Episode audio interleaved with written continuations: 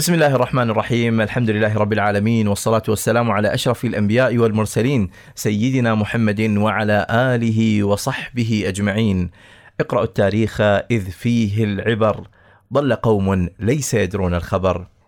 مستمعينا الكرام ومع صهيل خيول بني عثمان ما زلنا في هذه الرحلة التاريخية هذه الرحلة الماتعة التي نتعرف فيها. على ملامح التاريخ العثماني بل ونأخذ شيئا من التفصيل نغوص في أعماقه. وكما تعودنا ضيفنا الدائم في هذه الحلقات هو الأستاذ عبد الله رضوان الباحث التاريخي والمختص في التاريخ وخصوصا التاريخ العثماني. حياك الله أستاذ عبد الله. حياكم الله سيدي. أهلا وسهلا بكم. حياكم الله.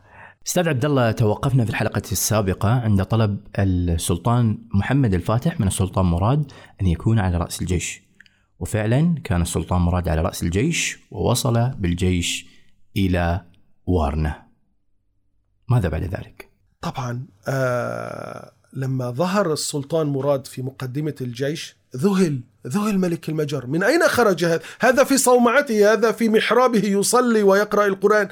في لباس الحرب وفي لباس كيف يأتي هذا؟ ومع ذلك قرر أن يخوض الحرب. لكن أنا هنا صورة أريد أن أوصلها إلى المستمع. قبل أن يذهب إلى الحرب السلطان مراد في وهو في قبل المعركة بسويعات خرج إلى خارج هكذا المعسكر قليلا وبدأ يحثو التراب على رأسه ويبكي ويقول إلهي لا تقهر هؤلاء المؤمنين والمجاهدين الذين أتوا إلى هنا.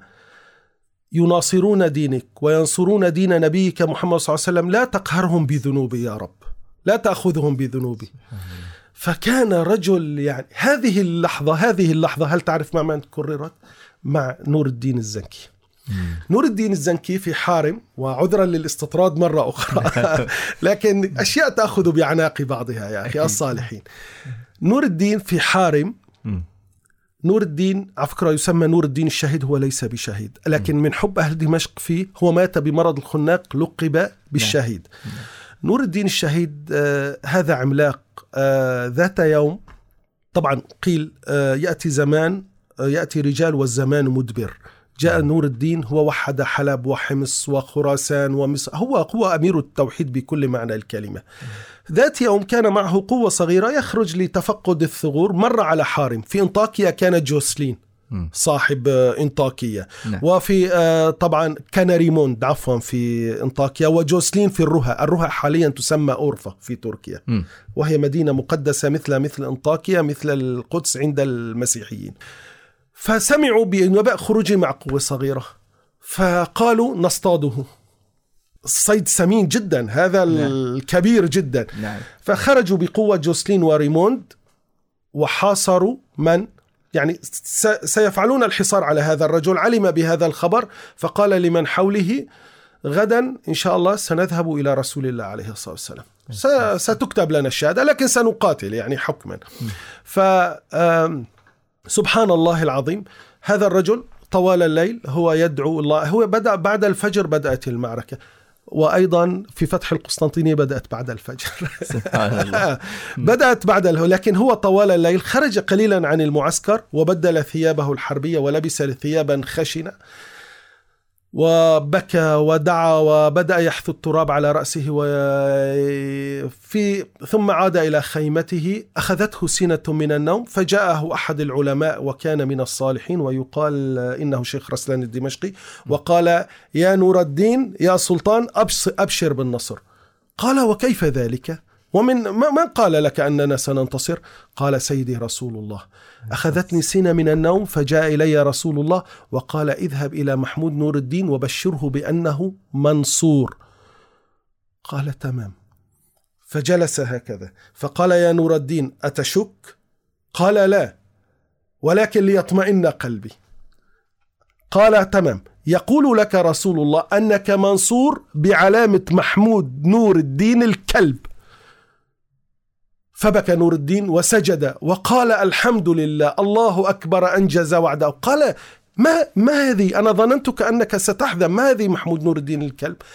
قال عندما أحاط بنا العدو خرجت ليلا فلبست ما لبست من ثياب وبدأت أصلي وأحث التراب على رأسي وأقول اللهم لا تنصر اللهم لا تنصر عبدك الكلب نور الدين لكن انصر عبادك في حار سبحان الله سبحان الله نفس عجيب. الموقف نعم. نفس الترتيب أخي دائما المواقف نفسه والعظماء يعني هؤلاء العظماء تشعر أنهم يتنفسون من هواء واحد من هواء رسول الله من أكسجين رسول الله نعم. عليه الصلاة هذا رب. فاتح القسطنطينية وهذاك رب فاتح القدس الله الله الله الله الله الله صدقت والله ذاك الذي ربى سيدي صلاح الدين الأيوبي. طيب اذا اذا وبدأت المعركة، نرجع إلى آه، السلطان مراد، طبعا بدأت المعركة السلطان مراد ماذا فعل؟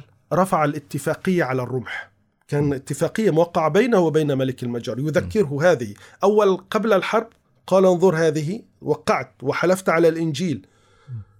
كيف تتراجع؟ قال أتراجع. أخذت فتوى. قال تمام.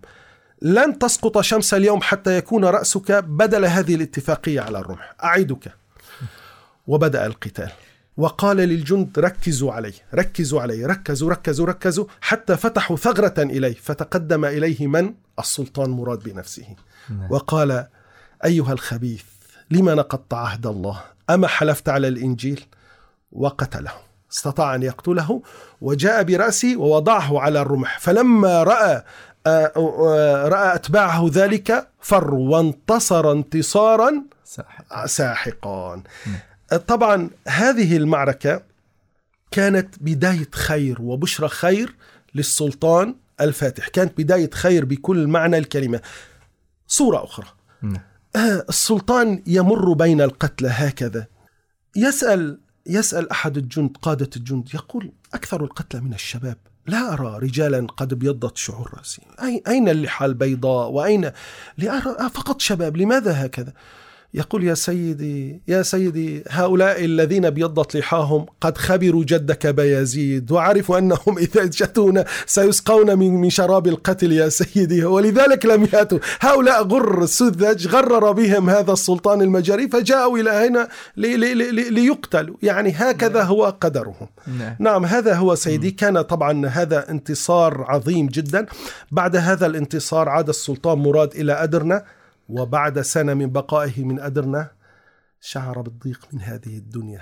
يريد مرة أخرى أن يعود إلى محرابه إلى قرآنه. يقول ما لي وللحكم؟ اشتقنا إليك. يخاطب القرآن اشتقنا إليك. ومرة أخرى ترك السلطان الفاتح لوحده في الحكم. نعم. أنا أريد أن أقول كلمة أن آه، المؤرخ البيزنطي ماذا قال في حق مراد؟ نعم. قال كلمة مشهورة آه، لقد كان السلطان مراد يتصرف مع أعدائه مثل الأب يعاملهم بالحلم ولا يحقد عليهم إنهم لم يكن ظالما أو حقودا مثلنا. وهذا تجلى في, في هذه المعركة وارنة عندما عندما أسر من أسر أمر بالإحسان إليهم وعاملهم أفضل معاملة. نعم. هذا هو يعني آه، هذا هذه تربية المحراب سيدي. هذه نعم. هي تربية المحراب وهذه هي تربية القرآن الكريم. نعم. طيب أستاذ عبد الله يعني الآن مما مما ذكرته نجد كيف هو ارتباط السلطان مراد بالقرآن الكريم وحبه للعبادة وتربيته لمحمد السلطان الفاتح على كل تلك الأخلاق التي ربى النبي صلى الله عليه وسلم عليها الصحابة. نعم. هذا ال- الارتباط العجيب الذي كان بين أولئك القادة الذين أتوا بعد النبي صلى الله عليه وسلم بقرون نعم ولكنهم حافظوا على تلك الآداب النبوية وجعلوها منهاجا في حياتهم نعم. لعلنا نتحدث قليلا في هذا الأمر آه، سيدي العثمانيون كانوا حقيقة يجلون المصطفى صلى الله عليه وآله وسلم. آه، وهو غال عندهم جدا. ويعني وما محبتهم الآن لأبي أيوب الأنصاري ولهفتهم وهذه المحبة التي يبدونها لهذا الصحابي إلا لأنه كان قريبا من رسول الله عليه الصلاة والسلام. وهم يشتمون روائح المصطفى من خلاله. نعم. ف العثمانيون يعني احبوا رسول الله جدا. يعني الآ- إلى الآن هذه العادة متوارثة. إذا ما ذكرت المصطفى صلى الله عليه وسلم وضع أحدهم يده على قلبه. بعضهم قال يعني آه لماذا؟ لأن حتى قلبه لا يكاد يطير من من ب- ب- بذكر يعني سيطير فرحا بذكر هو يمسك قلبه يعني. نعم وبعضهم قال لأن رسول الله يسكن في قلبه فيضع يده على قلبي وبعضهم تفسير لكن هذا من مظاهر ال- حب. الحب لرسول. الله عليه الصلاة والسلام. كانوا إذا جاءت رسالة من المدينة المنورة آه، كان الخليفة يتوضأ قبل أن يلمس تلك الرسالة ويقبلها ويضعها على رأسه. سبحان الله. طبعا. هي آتية من أين؟ هي آتية من عند المصطفى صلى الله عليه وسلم. طبعا آه، ال- الممنوع على أي عامل. طبعا العثمانيون عملوا في ترميم المسجد النبوي على صاحبه أفضل الصلاة وأتم التسليم. كان قانون قبل أن تمد يدك على أي شيء يجب أن تتوضأ. سبحان الله. آه يجب نعم. أن تتوضأ ثم تعمل في ترميم المسجد النبوي. مم. لا يجوز أن تضع حجر ولا يجوز لك أن تضع حجر إلا أن تقول بسم الله. إذا عليك الوضوء قبل العمل ومع كل حجر تقول بسم الله. هذا مهم جدا جدا. طبعا آه وكان عندهم عادة أنهم كلما عادوا من المدينة المنورة إلى رحاب إسطنبول وإلى تلك الرحاب كانوا يأتون معهم بشيء من تراب المدينة المنورة. يعني يشتمون مرة أخرى نقول للمرة الألف يشتمون عبق النبي يتفن كيف يشتمون عبق النبي؟ حتى هذا التراب يحبونه جدا. طبعا والخليفة كان عنده عمامة كبيرة. هذه العمامة أخي عبد الله هذه العمامة هي كفنه. كانت توضع على رأسه لتذكره دائما بالموت. أنك ستموت. سبحان الله. تمام. هذا مهم. ولذلك منذ قليل أخبرتك أن الفاتح عندما دخل القسطنطينية سجد ووضع التراب فوق عينه. عمامته تواضعا لله عز وجل. يعني لا تغتر كما جده المصطفى صلى الله عليه وسلم. عندما دخل مكة كانت ذقنه الشريفة تضرب في صدره. نعم. أحدهم قال اليوم سننتقم. اليوم يوم الملحمة اليوم تستحل الحرمة. نعم. فنهى النبي صلى الله عليه وسلم عن ذلك. السلام. هذا هو قلت لك تربية تربية كما دخل النبي وذقنه تضرب في صدره يعني تعظيما لهذه المدينة كذا فعل الفاتح. في طرف أنا سأرجع الآن في طرف هذه العمامة كانوا يضعون ريشة. الريشة هذه عبارة عن مكنسة. هم يتفاخرون أنهم من خدم هم يكنسون بها ماذا؟ الروضة الشريفة والمسجد النبوي والمسجد الحرام. هذه لماذا؟ لأن كل مصاريف العمال الذين يقومون على تنظيف مسجد رسول الله عليه الصلاة والسلام وتنظيف الحرم ال- المكي هم كانوا يتلقون رواتبهم من السلطان مباشرة من حر ماله. وعلى فكرة السلطان يا أخي يا أخي عمالقة عمالقة. مثل عمر بن عبد العزيز مثل. جاء السلطان مراد إلى وزيره ذات يوم. قال هل معك بعض النقود؟ قال لما؟ قال أحتاجها في أمر شخصي. قال يا مولاي أمامك خزينة الدولة كلها. قال لكنه ليس مالي إنما أقترض منك. سبحان الله. إذا هم العمالقة يا أخي هم العمالقة. إذا وهذه الريشة هي رمز للمكنسة. التي تعني أن هؤلاء الخلفاء يهتمون جدا بكنس وتنظيف المسجد النبوي والمسجد الحرام. ولعل أول من لقب بخادم الحرمين من هو؟ السلطان سليم. عندما دخل مسجد حلب ويقال مسجد القاه- القا- القاهرة فقام الخطيب وقال أنت صاحب قال لا بل أنا خادم الحرمين.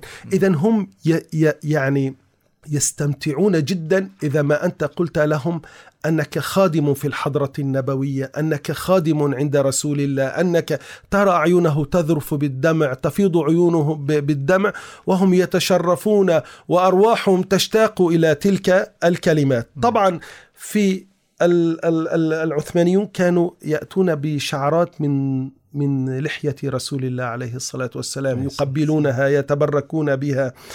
آه هذا التقليد طبعا آه، ما زال متوارثا إلى الآن عندنا في تركيا في آه، إسطنبول يوجد مكان اسمه الخرقة الشريفة جامع الخرقة الشريفة في الفاتح.